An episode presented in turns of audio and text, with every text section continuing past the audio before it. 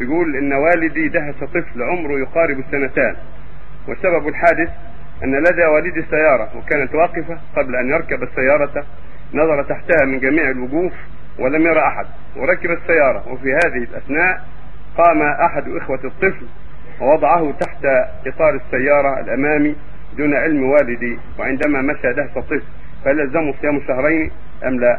مثل ما أجاب الشيخ صالح يلزمه صيام شهرين لو قدر العتق يعتق نفس صاحب السيارة اللي دهس لأنه اللي باشر القتل فعليه الدية وعليه الكفارة. والكفارة عتق رغبه مؤمنة إن تيسرت.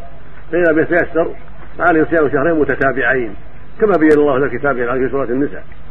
وهو وهو الداعس وهو القاتل فعليه. لأن ذاك الذي وضعه في غفلة. ما ما ما عنده قصد أن يقتل. أما لو كان مثل ما قال الشيخ لو كان إنسان جاء بآدمي وطرحه أمام السيارة ليدعسه سائر صاحب السيارة على غفلة يكون هو القاتل الذي الذي طرح بين يدي السيارة. لكن هذا طرح إما لأجل إنه في الظل يبي في الظل أمام السيارة أو لأسباب أخرى فقدر الله موته على هذه السيارة. فالداعس هو الذي عليه الدية والكفارة جميعا.